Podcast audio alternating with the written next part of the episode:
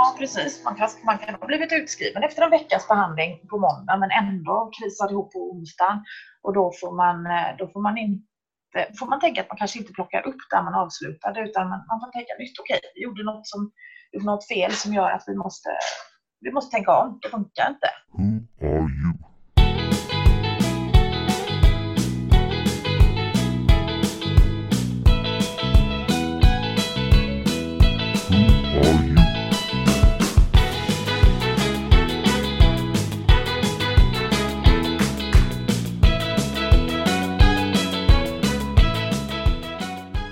Eh, så det är Dålispodden episod eh, 5 om jag räknar rätt. Och nu eh, får jag lämna över äran med att göra det fullständiga introt till dig då Mattias. Ja, så idag har vi med Mia Lisbrant med oss som är sjuksköterska inom psykiatrin. Jag har själv jobbat inom psykiatri i ett par år tidigare tillsammans med Mia och jag lärde känna henne genom det. Eh, Det ska bli jätteintressant att att få ställa några frågor om psykiatrin allmänt och vad, vad det innebär att jobba med det eh, idag. Så eh, välkommen till eh, Dålispodden. Ja. Tack snälla. Välkommen. Tack. Eh, vi kan börja inleda med, med frågan. Vad, vad, är, vad innebär det? Vad, vad är en psykiatriavdelning för någonting? Vi, vi har ju fördelat, alltså psykiatrin och somatiken skiljs ju åt eh, ganska mycket inom de olika regionerna. Och här i Västra, Västra Götalandsregionen tar vi hand om eh, folk med eh, olika psykiatriska problematiker. Alla över 18 år kommer till oss. Eh, vi är uppdelade i eh, vårdkedjor där vi har psykos, där vi har beroende och så har vi det som kallas för affektiva. Och det är där jag arbetar. Och då kan man väl säga att eh, vi träffar på alla typer av människor eh, som bor och lever här i närheten och Mm. behöver vårt stöd. Och Vad innebär det? Affektiv? affektiv, alltså, det är egentligen enklast att säga att det är alla, all problematik som inte har med ren psykos eller med beroendeproblematik att göra. Oftast väldigt mycket eh, depressioner och ångest framförallt. Krisreaktioner, personlighetsstörningsproblematik. Eh, vi har även en del bipolära eh, inom, inom den här regionen. Då. Just det. Så det kan, det, man säger ju att fyra av fem personer faktiskt generellt någon gång i livet drabbas av psykisk ohälsa I någon form? i någon form. Absolut. Eh, och i den här, det här stressade samhället så stöter vi på väldigt mycket eh, som problematik som man kan koppla direkt till hur, hur stressigt vi lever och Okej. vilka höga krav det ställs. Många unga människor strax över 18 som klappar ihop inemellan och behöver stöd. Liksom. Mm. Det är egentligen... Mm. Men eh, du nämnde ett par olika, olika diagnostyper, liksom bipolär och krisreaktion och depression. Vad, eh, hur, hur, och de, alla de behandlas ju på samma avdelning då? I någon, Mm, ja. Eller flera olika behandlas på samma avdelning och av samma personal. Är det, är det, eh, hur- fungerar det när man, när man ska behandla olika diagnoser med, med samma, eh, samma resurser om man säger? Liksom. Vi arbetar ju i team och vi klarar oss egentligen inte utan varandra. Vi är sköterskor, vi är läkare, läkare i olika nivåer och eh, vi är då mentalskötare och undersköterskor. Och man kan väl säga att vi, eh, och vi är vissa av oss då som är specialistutbildade vidare inom psykiatrin på, som skötare och sköterskor. Då. Och man kan väl säga så här att alla, alla har väl sina specialiteter. Liksom. Vi kompletterar nog varandra väldigt väl och märker vi att vi har svårt för en patient eller en patientgrupp, ja, då, då finns det ju kollegor som backar upp och, och tar, tar över. Så är det ju. Det är inte mer människor och vi eh, lämpar oss olika för olika patientgrupper. Men ibland kan det bli jättestökigt, absolut. Om du har någon som då är manisk i sin bipolaritet och samtidigt ska du vårda ångest och depressionspatienter så kan det ju bli en väldig krock. Så att, eh, ibland är det, man vet inte vad man kommer till på morgonen till jobbet och det är det som jag tror skärmar många av oss som håller på här. Det är ganska tufft jobb. Mm. eh, på det sättet. Men, eh, Får jag bara bry- bryta upp med en, en snabb fråga där? Om, Ja, eh, för vi, vi nämnde några olika diagnoser där. Och schizofreni tror jag och bipolaritet och så. Som, det låter ju som allvarliga eh, diagnoser. Vilken av dem är liksom vanligast hos er? Och, och du nämnde innan att typ en, av, en på fem råkar ut för psykisk ohälsa. Men hur vanligt är det att man får de här diagnoserna? Eh, Man kan säga fyra av fem till och med. Du sa en av fem, men det är till och med fyra Ja, förlåt. av oss då. Man kan väl säga så här att nedstämdheten, depressionen och ångestproblematiken är helt klart det, det största. Det finns de som har det kroniskt och, och, och ständigt slåss eh, för att liksom hålla näsan över vattenytan. Sen finns det ju många som kommer in som, som sagt som, som bara tillfälligt då eh, hamnar i en svacka. Ehm, jag tänker att eh, ja, man brukar säga att 50% handlar om vad vi har för arvsanlag, hereditet och andra 50% handlar väl om vår miljö, eh, hur vi har växt upp och vad vi har blivit utsatta för. Så att, eh, ja, när det gäller till exempel det som jag nämnde med bipolaritet så är det oftast väldigt ärftligt och är väldigt tufft för, för patienten. Man behöver livslång medicinsk behandling och man kommer alltid att vara skör i, i, i livet. Bör akta sig för att hamna i manier, sova bra på nätterna, leva på ett visst sätt. Och eh, man vet också att efter en manisk period så hamnar man oftast eh, i en djup depression då. Där man till och med kan, eh, kan bli suicidal och framförallt väldigt, väldigt eh, oroad över det man ställer, kan ställa till när man är i, en- i, i ett maniskt skov. Då. Eh, det, är inte, det, det är en ganska vanlig sjukdom egentligen, men det drabbar ju inte var och en bara sådär. Det är ingenting som du, ingen, ingen diagnos då, då liksom får för att du har levt på ett, på ett visst sätt, utan det måste finnas i ditt arvsanlag, kan man säga. Mm, mm. Hur, eh, om man är som jag då, som är väldigt dåligt insatt, hur, hur är det generellt? Är, är det så att liksom folk är länge inlagda eller är det många som bara kommer någon vecka? Eller hur ser den proceduren ut generellt? Mm, man kommer ju eh, här i Göteborg så har vi ju en akutmottagning och det är på Östra sjukhuset eh, där man söker då initialt och sen eh, kommer man inom förhoppningsvis rimlig tid placeras ut då på den eh, avdelning där man hör hemma rent geografiskt så kan man säga. Och Mm. även då baserat på sin diagnos. Eh, det finns siffror som säger att man ungefär har en vårdtid på, på 10 dagar sådär i snitt. Okej. Men det kan se väldigt olika ut eh, faktiskt. Det finns de som behöver komma in och få sova ett par dagar och kommer i fas igen. Och så finns det de då som, som oftast eh, är de som kommer in och behöver medicin, justera sin medicinering. Och det är, Mm. ganska tuff, det är en ganska tuff process för oftast konstigt nog så dras man ner djupare i sin problematik när man, när man, eh, när man behöver kanske anti, exempelvis antidepressiv eh, medicinering. Och då, tack vare det eller på grund av det, så måste man ha lite stöd när man sätter in medicinerna. Det är väldigt vanligt att man får antidepressiv medicinering via sin vårdcentral också, men många avslutar just av den anledningen att man tycker att det här är galet och mår ännu sämre. Mm, just det. Det är, en- det är det är en ganska långsam procedur om man då jämför med, med eh, somatiken då, eh, när man tar hand om kroppen. Då brukar man ju ha en snabbare, snabbare process. Det är lite, lite, som ett, eh, lite som en antibiotikakur där det är sju eller tio dagar att man behöver fullfölja.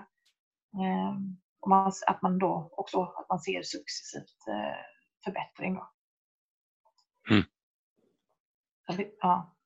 Hur eh, är det generellt? eh, Är det vanligt att man, man läggs in en gång och sen, sen liksom att det fungerar eller är det mer vanligt att man liksom läggs in och så går man ut och sen får man en svacka igen senare? Man och så pendlar, lägger pendlar man- in och ut på Ja. Precis. Man kan väl säga att det egentligen är två, eh, två grupper, lite som jag nämnde där att eh, har man, en, har man en diagnos som är livslång så kan det krävas eh, inläggning flera gånger under, liv, under livet. Och man ska ju veta att en, en person med en sån svår problematik som exempelvis en kronisk depression eller en bipolaritet, de vårdas ju också utanför slutenvården via sin öppenvård. Alltså. Ehm, Ja, ja. okej. Eh, Så de, de har liksom uppföljning hela tiden. Och sen finns det andra gruppen som då kanske hamnar i en, en krissituation. eh, Bortfall, någon som har gått bort i familjen eller eh, en livskris av någon annan sort. Så. Och de kanske kommer in en gång och sen blir hjälpta och kan fortsätta skötas via vårdcentralen. Så det, det är svårt att, svårt att ge någon, någon liksom perspektiv på det. Men ibland kan vi ha 13 patienter på vår avdelning som alla är kända för oss. Mm. Så. Eh, väldigt viktigt att man som personal inom vården generellt eh, alltid resonerar så att varje vårdtillfälle är unikt och ett nytt tillfälle, även om det var två dagar som patienten skrevs ut. Eh, Mm. Att man har det tänket, att man, att man, eh, man börjar liksom från början. Eh, va- varje gång en nystart. Så. Vad är problemet här och nu? Eller? Ja, precis. Man kan, man kan ha blivit utskriven efter en veckas behandling på måndag men ändå krisar ihop på onsdagen. Och då får man, då får man inte får man tänka att man kanske inte plockar upp där man avslutade utan man, man får tänka nytt. Okej, vi gjorde något, som, gjorde något fel som gör att vi måste, vi måste tänka om. Det funkar inte. Just det. Mm. Och så. så många känner vi ju mycket väl och eh, andra som sagt kommer vi inte träffa igen. Och det, det, det brukar man ofta känna ganska väl. Eh, som, som van personal. Man lär sig otroligt mycket hela tiden. Så man- man, får, man får ett öga för det, man får en klinisk blick. Liksom. Mm. Eh, Mm. sådär. Jag har, en, jag har en fråga. Där. Vi, vi pratade innan om att här, fyra, fyra av fem drabbas av psykisk ohälsa i någon form. Och det är förmodligen så allt som oftast är, kanske är lite, lite lättare, mildare problem. Då. Eh, men, men det säger ju ändå någonting om att eh, ja, det är så många så att det kan ju vara lite vem som helst. Och när man går ut på gatan så, så, så kan jag känna i alla fall det kan vara väldigt svårt att avgöra vem som har en depression eller ångestbesvär eller sådär. Och det är lite min fråga, typ, hur, vad du tror om det och kanske specifikt med de här lite svårare diagnoserna. Då. Är det så att, eh, ja, men det, det är ju mycket ärftligt då förstår jag och då, då är det lite så här, vem som helst kan ju ha otur och, och få sådana anlag. Då. Men, men är det din bild också att det här, sådana här saker kan faktiskt drabba vem som helst och att det, det är svårt att se generellt eh, på, på utsidan liksom, hur folk mår? Fin, finns det såna här, med sådana här tunga diagnoser som kan vara väl, alltså fullt fungerande en dag och sen eh, gå in i svåra problem? Liksom? Ja, alltså man kan väl säga att de här, de här ärftliga sjukdomarna då som är lite, lite tyngre, nu, nu har man ju man har psykossjukdomar då som den andra vårdkedjan eh, tar hand om här. Eh, man har ju egentligen kan man säga vissa, eh, vissa år att gå efter. Att man insjuknar i 20-årsåldern om man har bipolaritet. Om man, eh, om man har en depressionssjukdom så kan det komma när som helst. Eh, exempelvis kan vi få in eh, eh, friska individer som precis nyligen har gått i pension och av den anledningen hamnar i en totalsvacka. Man har inte tränat på att bli pensionär, man har inte tränat på att eh, frångå vanliga rutiner och kanske skaffa sig en hobby eller något annat. Alltså de kan vara jätte, jättesjuka när de kommer in. Mm. Kommer in en gång på 65 år och är knalldåliga liksom. Utan att liksom ha haft några historiska problem också då? Va, eh, förlåt? Utan att ha haft några problem tidigare egentligen? Nej, precis. precis. Ja. Alltså, man har inte, de kanske, de, troligtvis har de ju levt ett helt liv med att vara känslomässigt lite, lite sårbara. Men på grund av då den här 50-procentiga delen med miljön har man kanske levt sunt och lugnt så att det inte har uppdagats. Eh, Mm. Men det, det är faktiskt en kate- kategori där, just ny, nyblivna blivna pensionärer som kommer in. Eller exempelvis sk- de som ligger i skilsmässa när det krisar ihop på hemmaplan och, och man har ingen direkt eh, Livet kanske skiftar Liv- helt. ja. Liksom. Mm, livet, skiftar och då, och då så går man in i väggen. Och idag är det ju nästan trendigt att vara gått in i väggen, säga, men man ska, man ska leva snabbt om det ska vara stressigt och så. Och det, vi ser ju de offren. De, stressen skördar offer hela tiden Mm. eh, Mm i alla samhällsklasser och, och åldrar. Så att, eh, ja, det, det är jättesvårt att veta eh, och jag tror vem som, vem som faktiskt är, är sårbar och sådär. Men jag tror att det är viktigt att vara lyhörd för eh, förändringar hos en person som man känner. Och då faktiskt våga ställa frågan kring psykisk ohälsa och inte bara rycka på axlarna åt det eller, eller, eller gömma sig för det. För det, det kan vara obehagligt. För mig är det väldigt eh, för mig och mina kollegor är det väldigt naturligt att prata om liv och död och kriser och, och sådär. Men det, det gör man inte generellt i, i vårt land, tycker jag. Nej, man, ska, mm. man ska uppmärksamma det. Man ska, man ska ta det på allvar. Ja, verkligen. verkligen. Det, det har ju vi andra här i podden pratat om tidigare faktiskt också. Det känns verkligen som ett problem. Mm. Ja, mm. ja. Men att det kan gå, ligga dolt under ytan verkligen? Absolut. Man kan väl säga att det finns, eh, om man pratar om suicidalitet och, och, och, så, så finns det ju tecken som man ska uppmärksamma. En, en förändring i, eh, i levnaden, eh, till exempel att man börjar ge bort saker, man börjar eh, framstå som väldigt lugn och harmonisk kan också vara tecken på att man faktiskt har funnit ett svar i att, ett lugn i att man har beslutat för att avsluta sitt liv. Eh, och det kan ju vara väldigt, väldigt svårt för någon att... Eh, att inse det är lite paradoxalt. Liksom. Ja, precis. Exakt, exakt. Och det är ju, det är ju väldigt, eh, det är väldigt otäckt naturligtvis. Sen har man ju mm. riskgrupper. Man pratar om riskgrupper. Egenföretagare, ensamstående män i medelåldern är en riskgrupp för eh, suicid. Okay. Jag håller på att säga det, det är väldigt intressant. Eh, jag vet inte hur det är, men du pratar om, det finns ju många så här kända inom populärkulturen, musiker och sådär. Typ, ja. eh, du vet, som har tagit livet av sig i övre 20-årsåldern och sådär. Exakt. Jag tänker på, ja, men du vet, Kurt Cobain och Avicii och det finns ju otaliga exempel. Ja. Är, är det en... Okej, okay, nu kommer det många frågor som vanligt från min sida. men är det, är det är det en, en riskgrupp eh, eh den, i, den, i det åldersspannet just män i över 20-årsåldern? Nu sitter det tre män i 25-årsåldern här. Ja, men, men, men ja, är, är, är det på riktigt? Eller, tror, eller, eller är, det, är det snarare att du tror att de här människorna, ta Avicii och Kurt Cobain, att det är snarare den här 50 miljöbiten, att de är extremt stressiga miljöer som man kan ta knäcken på vem som helst i vilken ålder och vilket kön som helst? Personligen, personligen så tror jag att eh, är man känslomässigt eh, sårbar så kan man också ha en väldigt kreativ sida hos sig. Där man vågar att eh, kanske ta ut svängarna i, i musikvärlden eller skrivandet mm. eller någonting sånt. Till exempelvis då igen bipolariteten där du, där du kan hamna i maniska eller eh, hypomana som man säger, förstadiet till en mani, då blir du väldigt kreativ oftast. Och, och jag tror att det, det, är ingen, det är ingen slump att vi har många kreativa kändisar. Sen uppenbart så är det en, en krisig ålder. Man pratar ju om, vad är det man säger, 27-klubben, klubb 27. Ja, precis. Ja, precis. Eh, och, och det, det, min bild är att det är vanligare bland män. Jag vet inte, det kanske är samma? Ja. Det, det, får man väl ändå, det får man väl ändå säga om man tittar krasst på de som faktiskt har lämnat oss. Ända tillbaka till vad heter han, James Dean på... Just det. Ja, mm. alltså är de 27, runt 27-årsåldern? Jag tror att det är... Jag som är 43 år, snart 44, känner att eh, det, det är tufft att vara under 30. Det är någonting som händer efter 30.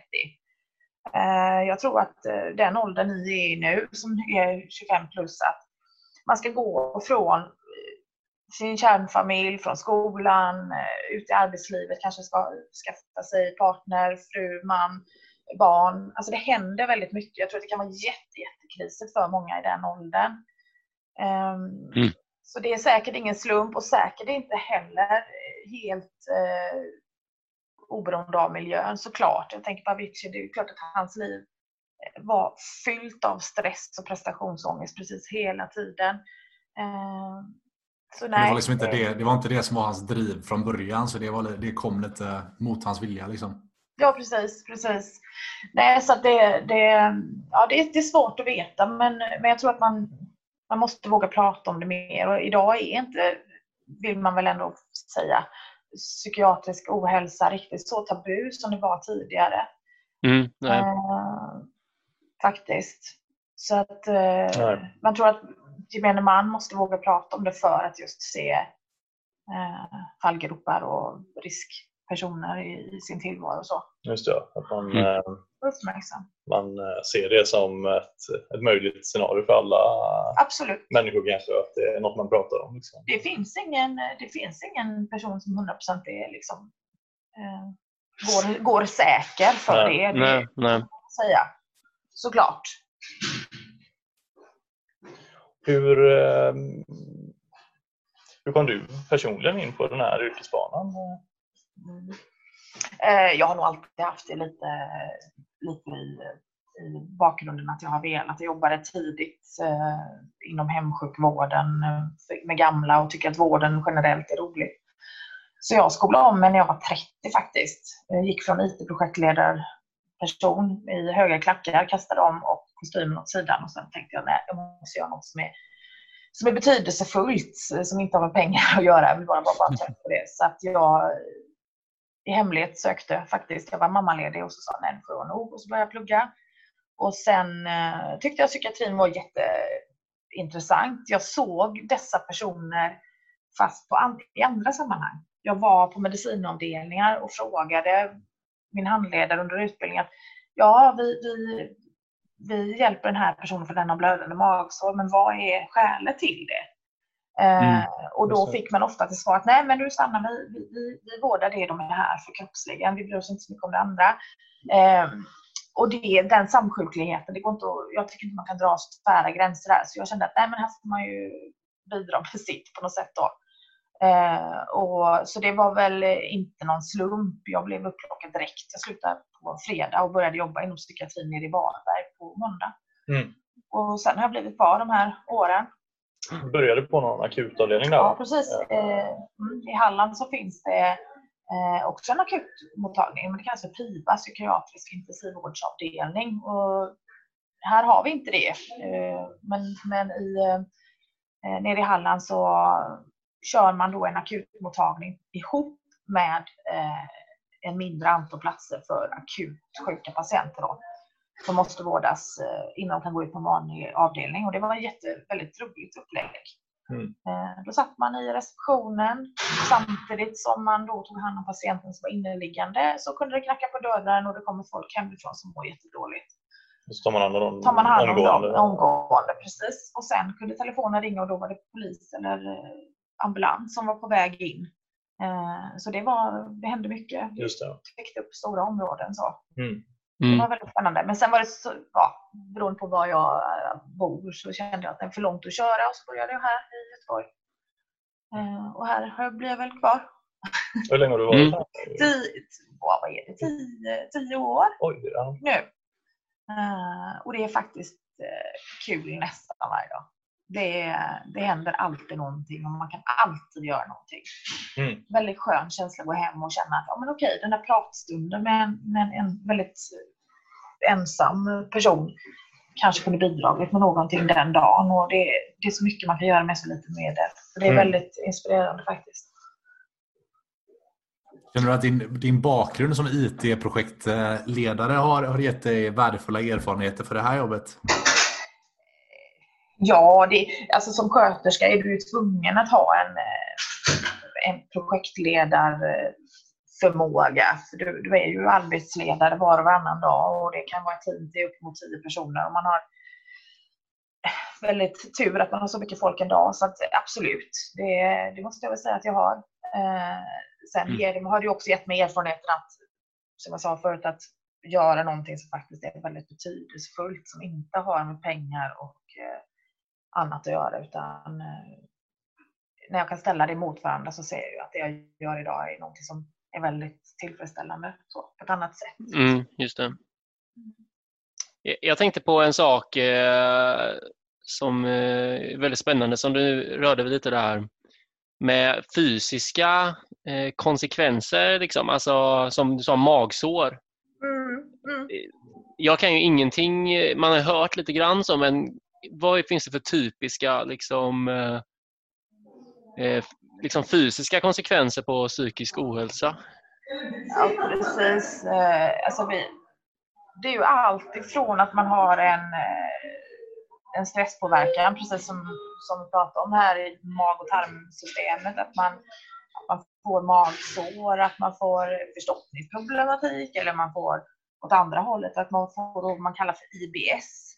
Eh, stressmage säger man väl i folkmun så. Mm. Eh, den delen och sen har vi ju eh, en väldigt stor allvarlig del. Det är ju det att man av psykisk stress faktiskt kan hamna i situationer där man försöker lindra det med fysisk eh, smärta istället. Vi har ätstörningsproblematiken, ja. anorexia, bulimi och vi har även självskadeproblematiken där man åsamkar sig själv fysisk skada för att, för att lindra det psykiska man känner då. Så man försöker skifta det liksom till Ja, man, man, hittar, man, man försöker lösa, man, ja, man försöker alltså lindra sin ångest genom att få, Mm. få ont i kroppen istället på Mm. sätt. Man skär sig, bränner sig eh, och så vidare. Så att eh, jag tror att det här är, det kommer bara bli mer och mer tydligt att vi, vi kan inte bara behandla en del av kroppen. Själen finns där också. Det går liksom inte att, att särskilja så hårt längre. Många har ju mediciner även för fysiska åkommor eh, samtidigt som de är här. Liksom. Mm. Det måste vara väldigt svårt med medicineringen där. Liksom, att eh, välja, eller hur, hur, jobbar, hur jobbar man med och hur jobbar man för att ställa in rätt medicinering? Du tänker på fy- För, för, eller jag tänker, nu tänker, somatiska tillstånd? Eller? eller psykiatriska ja, ja. Du, du, tänk, ja, men du tänker att... Eh, Eller jag, jag, kom att tänka, jag kom in på frågan just för att det ibland kan det vara medicin för somatiska tillstånd också. Då. mm, mm, ja, att man måste hitta en, balans där. Ja, men precis med biverkningar heter det. Ja, liksom. det, det, det, händer ständigt och då är vi glada att vi har eh, IT-system som fungerar och indikerar eh, när det blir eh, krockar i, i så en signal då. då. Ja, alltså så. Sen vet ju läkaren det med. Mm. Är det så att man är, blir osäker, då har vi alltid möjlighet att få konsult, konsultation Mm. av medicin, av kirurgen, beroende på vad det är för någonting. Då. Men visst är det dagligen så att man måste ta hänsyn till de olika läkemedelsgrupperna för att, för att eh, eh, det ska bli rätt och riktigt. så. Mm. Mm. Absolut. Eh, och vissa sjukdomstillstånd eh, har ju vissa nästan automatiskt eh, vissa somatiska följder. Så. Okej. Man har till exempel de återigen bipolära, som kanske behöver behandlas med litium som egentligen är salt. Mm. Och indirekt så påverkar det ju njurarna för en sån patient. Då. Det. Mm. Ja, så det, det är många sådana. Så då ställer man in behandling för det nästan alltid? Eller? Eh, För den biverkningen just? om man frågar patienten, vilket har hänt, jag har hört flera gånger under min eh, tid här. Det, är- du frågar patienten om man, om man är rädd för det fysiska tillståndet i exempelvis njurar och då svarar nästan 90 procent vill jag säga att jag tar hellre den problematiken än att jag skulle vara psykiskt ostabil. Ja, Mm. ja. Så väldigt många gånger så eh, är man nästan mer rädd för, sin, för att förlora den psykiska hälsan. Liksom, Mm. Ja. Ja, men det känns ju... upplever jag så. Ja. Mm. Just det. Och man, att man då hellre tar kanske en biverkan av en medicin eh, som lite viktuppgång exempelvis eller sådär. Eh, det tar man gärna bara man slipper ångesten dagligen eller eh, exempelvis så. Mm. Mm. Om vi, om vi, Eh, ja, förlåt Mattias, kör du. Eh, nej men, eh,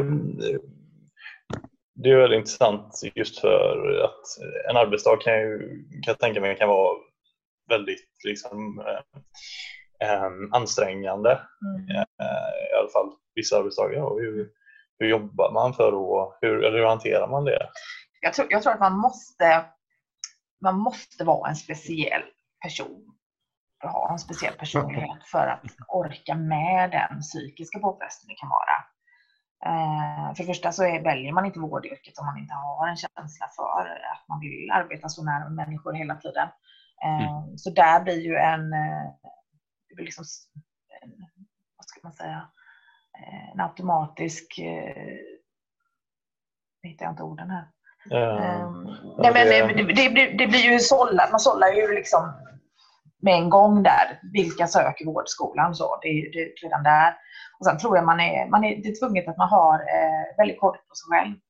Mm. Att man eh, bestämmer sig för att när arbetsdagen är slut så tränar jag på att totalt stänga av eh, jobbet. Man Ja. får inte vara en person som tar med sig det hem för det kommer man inte klara av. Mm. Och om man blir väldigt, grip, eller väldigt påverkad av en specifik situation. Liksom. Mm. Mm. Eh, händer det? Och hur, Det hur, finns de hur gör som- man då? Ja, det finns de som faktiskt har börjat och slutat ganska omgående för de märker att de klarar inte av. Nej. Eh, De tar med sig det hem, de blir själva dåliga och känner, kan gå in i, i tillstånd som inte är sunda för dem. Och då, då antingen så går det över med tiden, att man blir mer eh, van vid det och så, eller så är man helt enkelt på fel, fel plats. Så. Mm, mm, det. så det är för min del väldigt viktigt att jag, jag fattade beslutet för länge sedan att när jag stänger garageporten här på jobbet, Mm. sätter mig i bilen, eh, då är det färdigt tänkt och färdigt, liksom, då är jag klar för att vara min, min privata jag. Liksom. Eh, Mm. Och det har utvecklat sig eh, väldigt positivt just för mig, för jag kommer faktiskt inte ihåg patienter. Jag känner igen Nej. dem när jag ser dem. Men om någon frågar mig om, kommer du ihåg den ljusa tjejen med, eh, som hade så jobbigt med sin, sin ångest i förra veckan? Jag har alltså selektivt, jag, jag, tar, jag kommer inte ihåg dem. Ja. Så att det är väl min räddning. Så. Ja, ja. Mm. Och sen att man gör någonting helt annat. Jag har en bit till jobbet och det är väldigt bra. Då hinner jag liksom skölja av mig jobbet på något sätt på vägen. Här 25 minuter i bilen och sen att man eh, tar vara på sig själv när man kommer hem. Tränar, Mm, blåser ur hjärnan liksom. ja. Du har lite fritidsintressen? eh, Och fritidsintressen måste man ju naturligtvis ha. Och spontant känner jag att eh, fritidsintressena behöver inte invol- involvera människor. utan Det kan vara väldigt skönt att bara slippa massa folk när man har jobbat så intensivt. Liksom. Ja, Med, eh, det, låter inte som att du är, du är bra på att lämna hobb, eh, jobbet hemma Mia, men man har ju själv sett på lite folk, lite kompisar som gillar att vara lite hobbyterapeuter eh, även utan eh, utbildning i bagaget. Liksom. Så det, är det inte lätt att Exakt. hamna där ibland att man gärna Jo. vill eh, hjälpa alla och även utanför jobbet? Och, och, det, har man ju i sig. Man hamnar ju som sagt inte av en slump inom det här, inom det här Nej. Så det är klart att man får frågor och, och, och sådär. Och det gör mig liksom ingenting om det är någon som, som vill ha lite stöd. Och jag tror att jag hade nog kanske blivit tillfrågad oavsett om jag hade utbildningen eller inte i många, i många sammanhang för att jag, jag kan det. Per, liksom, det sitter i min person. Men jag tror inte det är mer. Jag tror inte man blir mer hobbyterapeut eh, än något annat. Jag menar, jobbar du inom en annan bransch så blir du också tillfrågad. Stackars, tänk på alla snickare och elektriker som, som jobbar extra hela tiden indirekt. Mm. Mm. Det, det, får, det får man ju ta. Men, men nu, framförallt så tycker jag att man möter folk som tycker att det är väldigt intressant för att det är lite, det är lite spännande med psykiatrin. Vad Mm. händer Mm. egentligen bakom de där stängda dörrarna? Har man tvångströja? mm, Är det Mm. gökbot? Liksom? Snarare Mm. den delen, att de tycker det är väldigt intressant.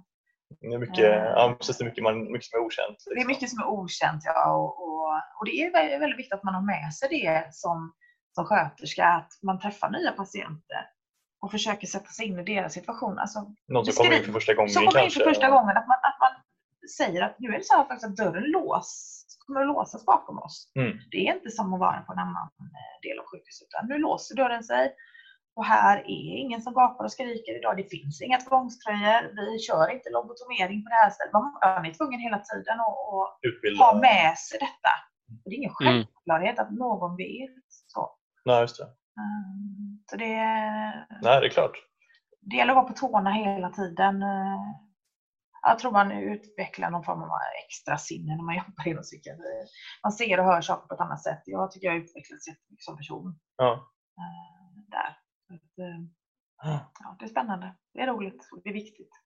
Ja, ja verkligen. Mm. Mm. Ja. Vi pratade, vi pratade om det tidigare i något annat avsnitt när vi pratade med Kristoffer som är militär och som eh, och det vi pratade om. och Det har varit ett populärt samtalsämne nu i stundande coronakris då. Eh, vikten av att, att vara glad, att ha humor och sådär för att kunna ta sig igenom eh, svåra situationer. Jag vet att Alex och Sigge intervjuade någon polis till exempel som pratade om hur de eh, poliserna jobbade med ganska mycket humor och, och skämta med, om saker för att få perspektiv. Då. Och någon annan som, någon, någon, jag tror det var en psykolog som berättade i Framgångspodden om att om man, om man har humor och om man dessutom är på lite skratthumör så blir man bättre på att hantera den typen av press och till och med bättre problemlösare. och Något sånt där. Mm. Det har varit lite intressant att höra din, eh, din take på det Mia. Ja, men det, det är superviktigt. Jag tror att eh, spontant själv så använder jag jättemycket den delen av mig själv och låter den komma fram, liksom det spontana. Eh, att man kan skämta, att man kan avdramatisera och sådär. Sen får man vara beredd inom det här yrket att man, det kan vara ganska tvära kast. Man kan stå och Mm. skämta med en patient och så nästa sekund är man tvungen att liksom tillrättavisa eller på något annat sätt. Alltså man, man, man eh, slängs ju mycket mellan ytterligheterna hos sig själv så, men utan humor går det inte. Det, det fungerar inte. Jag tror att vi är ganska lika inom psykiatrin, har ganska mycket gemensamt med polisen. Vi hamnar ju också i våldsamma situationer och, och sådär. Och, Mm. och man, kan, man inte, kan man inte då ha lite rå humor i det hela så tror jag att det blir... eh, Det, det fungerar. Jag kan inte tänka mig att arbeta en dag utan, utan humorn inblandad. Alltså, inte en chans. Ja. Eh, Och tr- Tror du att humor även kan fungera på ett individuellt plan? Att det kan hjälpa ja, men även för, liksom, för folk som lider av psykisk ohälsa? Absolut, absolut. Att, att, eh, självklart alltid ha, ha i åtanke att den här personen, att det, det, det är jobbigt för den här personen, självklart. Men det betyder inte att man är nonchalant eller eh, underminera den människan om man, om man samtidigt blandar in humor. Absolut inte. Det är, det är viktigt att avdramatisera, eh, även i, i de värsta fall när man faktiskt kanske patient funderar på eh, avsluta sitt liv eller har fullständigt har gett upp så, så kan man bara skickligt eh, integrera det med, med det andra i samtalet så, så är det bara en fördel tycker jag. Absolut. Och det, det, det, man måste använda humorn och även humor emellan varandra i arbetsgruppen. Annars så Mm. tror jag inte man kan behålla sin psykiska hälsa själv heller Nej, nej. faktiskt. Så det, nej, för det borde också kunna bli ganska, i vissa fall, kunna bli spänt man vet, eh. Liksom. Absolut, absolut. Man är, man är, det, kan, det kan det ju bli. Och det är olika personer i arbetsgruppen som blir olika belastade beroende på, som jag sa från början, är att man, man fördelar sig. Man har olika specialistområden inom Mm. patientgrupperna där. Och, Men Just, Eh. kan humor liksom, eh, vara en nyckel för att, för att lätta upp i sådana lägen? Också, om det är, ja, det, tror, det, det, det är absolut, det är helt att gruppen stressar upp sig kanske? Absolut, absolut. Och som arbetsledare, om du är arbetsledare den dagen som sköterska, att man, att man också har ett ansvar att, att lätta upp stämningen hela tiden under, alltså inte bara för att motivera till bra arbete utan att man, man är rädd om varandra liksom. Mm, mm. Sådär. Och det smittar av sig vi, i, i, patient, eller i personalgruppen. Vi, vi, det speglar, man ser det hos patienterna. Mm, Är vi stressade, ja då får du en stressad stämning bland patienterna. Är vi lite, har vi lite högt i tak och skämtar lite så, så får vi med oss personer på spåret. Mm. Ehm, så att du kan med humor, tycker jag, lägga ribban ganska mycket för hur dagen ska bli. Mm. Ehm, så att det, det går inte att leva utan det, jobba utan det. Såklart. Ibland blir det lite rått kanske. Lite för, lite för eh, morbida skämt emellanåt. Men eh, så, så är det bara. Och jag använder mig av det hela tiden. Ja. Jag tycker det är nödvändigt. Det har en ganska tydlig start på dagen med rapport. Ja, överrapportering på morgonen kvart i sju. Och sen eh, samlar man gänget liksom och berättar hur, hur status är hos patienterna så gott man kan. Och fördelar arbetsuppgifter och sen eh, kör man på. Mm. eh, dagen och hoppas på att alla lyckas göra det de var avsedda för att göra den dagen. Liksom. Sådär.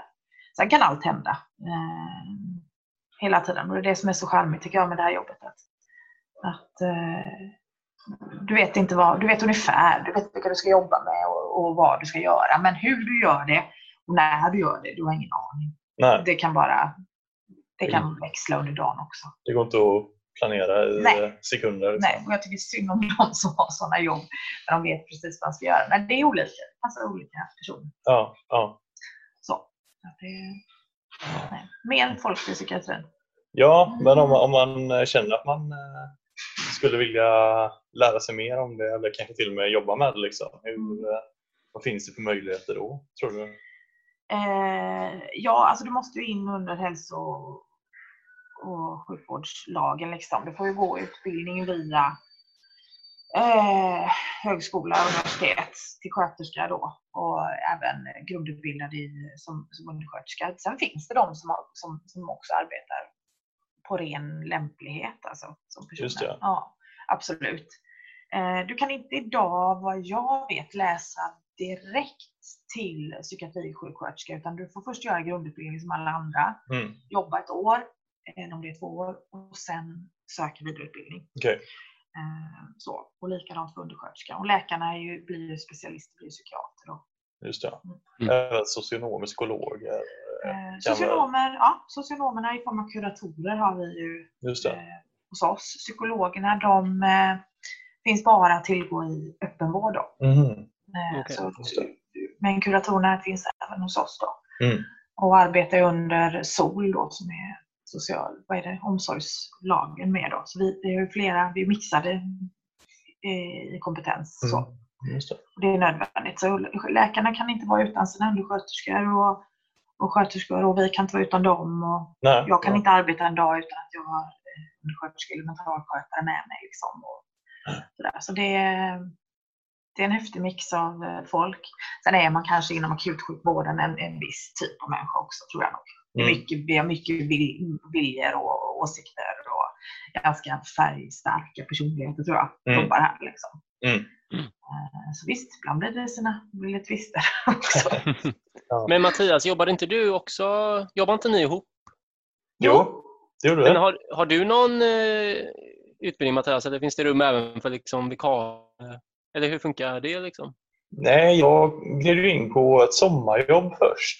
Och, ehm, utan, utan egentligen eh, någon utbildning. Då. Och sen eh, tyckte jag det var väldigt intressant och det funkade väl bra. Så det blev egentligen att jag fortsatte jobba ehm, eh, ehm, ja, tre år Mm. tror jag. Liksom, I princip heltid. va? Ja, det gjorde du. Du var ju Eh, en av de där som kom in och stannade kvar för att du var lämplig för det, för att du var duktig på det du gjorde. Det vet jag inte. Men, Jo, eh, men det, det var du. Man, man Ja. lär sig varje dag. Ja, ja, verkligen. Nej, men det var jätteintressant. eh, Och liksom, Ja, du skulle bli läkare ett tag där. Ja, det var, det var tanken. Ja. Tanken att jag skulle bli läkare. Tvära kast där. Det blir Ja. du inte nu. Nej, inte riktigt. Något gick fel. fortfarande ett eh, bra jobb med att eh, ta hand om och Oskar kan jag säga i alla fall. Ja. Ja, det är bra att ni får era studentsamtal och, Mm. eh, och sådär. Jag säger det, det är viktigt att ni, man har koll på varandras hälsa även, även psykiskt. Jag, om du bara kan avs- avslutningsvis här då, Mia, om man, om man vill göra skillnad, kanske både som ja, men för sig själv. Då. Självhjälp, det, det ordet klingar väl ibland lite negativt nästan. Men om man, har du något ett bra tips till varje individ om man vill så här, generellt bara förbättra sin egen psykiska hälsa? Och, och två, eh, om du har några riktigt bra tips för man, vad man själv kan göra för att hjälpa andra. Liksom. Eh, ja, alltså återigen det här med 50% i hereditet och 50% i miljö. Så miljön, där är du faktiskt kung över ditt eget liv oftast. Eh, välj ett yrke du trivs med, sköta fysiken, alltså och sköta sömn, sköta mat. Alltså, det är så mycket som spelar roll för hur din psykiska hälsa är. Eh, bara, bara basic, liksom, sköta om sig själv. Sen tror jag också att det ligger väldigt mycket värde i att man då kan prata. Att man inte eh, försöker hålla allting för sig själv eller, eller försöker lösa saker på egen hand och inte ta hjälp av andra. Det tror jag man eh, liksom gräver sin egen grav på något sätt där.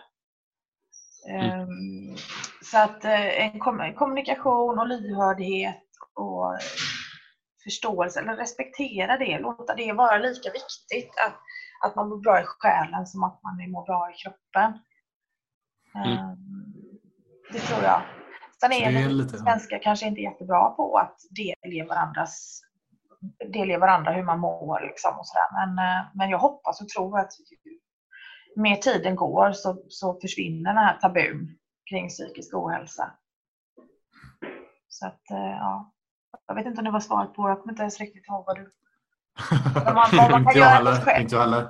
Det var kloka ord. Nej, men frågan var- var väl vad man kan göra både för sin egen del men även för att hjälpa andra. Och Ja. Jag uppfattar lite att det är, det är lite de eh, grundpelarna som, eh, som gäller. Jag, jag tror att, jag tror att reducer, stressreducering, är, stressreducering är absolut eh, personens största självhjälp. Utan, eh, utan tvekan så hävdar jag att stressen är det stora samhällsproblemet som, som, som gör Mm. att många av oss eh, trillar dit. Helt klart. Mm. Ja, men grymt. Så Alltså, stressa det, mindre.